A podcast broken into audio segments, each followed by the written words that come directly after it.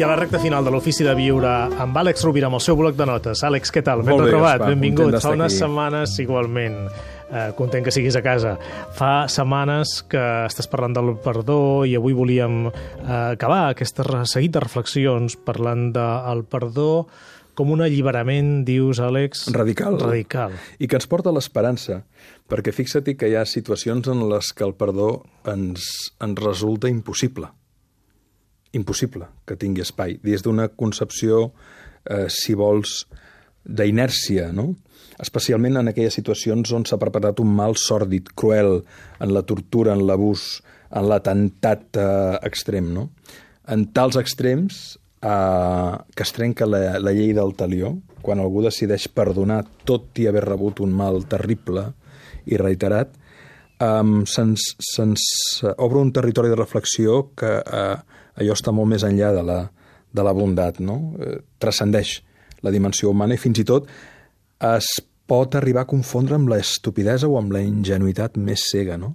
Jo en aquest sentit diria que quan algú perdona en aquestes condicions fa una aposta absoluta per l'esperança, perquè obre la porta a escenaris de reconciliació i de redefinició relacional inimaginables, impossibles. Um, l'esperança de començar de nou. I m'agrada pensar en l'esperança com un imperatiu moral. És a dir, un pare no pot arribar a casa i dir fills estem morts fins que la seva pròpia mort certifiqui la coherència de l'afirmació. L'esperança és el que ens sosté fins i tot més enllà de la racionalitat pura.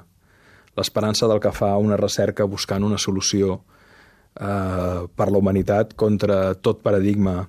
L'esperança del que persevera en un àmbit en el qual creu que allò que farà és el bé comú i, i vens tota dificultat i adversitat, no? En aquest sentit, si l'esperança va acompanyada d'una reparació del mal, eh, aniríem a parar aquella frase de Gandhi que deia que el món no té com a fonament la força de les armes, sinó la força de la veritat i de l'amor. No?